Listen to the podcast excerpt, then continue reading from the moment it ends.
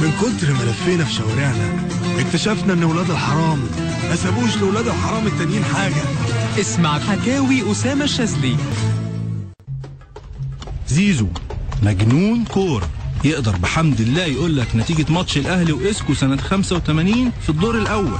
لا ويوصف لك كمان الجون اللي جابه بيبو من بسط مختار مختار في الدقيقة 29 لما الماتش خلص 1-0 زيزو حضر كل ماتشات الأهلي والمنتخب في الاستاد من سنة 90 عضو نشط جدا في كل منتديات الكورة على الإنترنت ورئيس رابطة مشجعي الأهلي في مدينة ديكرنس. زيزو يا جماعة من الموهوبين اللي ما خدوش فرصة.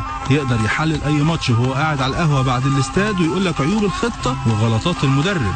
يقدر كمان يقول لك التشكيل المناسب لكل ماتش قبل ما يبدأ. ولو اتحاد الكرة سمع عنه أكيد مش هيلاقي غيره يمسك المنتخب بعد كابتن حسن شحاتة مشكلته إنه أهلاوي متعصب وده خلاه طلق مراته عشان اكتشف إن جوز بنت عمها زملكاوي.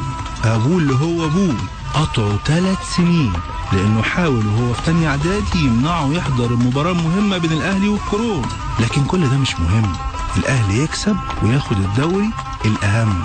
المشكلة بقى في اليومين اللي فاتوا إنه بعد العمر ده كله قرر يلعب كورة.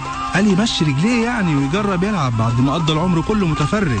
وبغض النظر عن إنه بقى مسخرة الملعب وإنه خد يجي 30 كوبري وإنه اترقص لدرجة شكيرة ذات نفسها ما تقدرش عليها إلا إنه لما وقع على وشه في نهاية الماتش واتكسر له أربع ضلوع ومناخير ما بقاش قادر يحضر ماتش الأهلي في دور الثمانية في بطولة أفريقيا.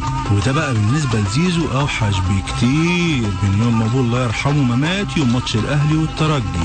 واللي اضطر عشان يحضر العزا يروح يتفرج على شوطه التاني بس. بكرة حكاية جديدة من ولاد الحرام. ما سابوش لولاد الحرام التانيين حاجة. مع أسامة الشاذلي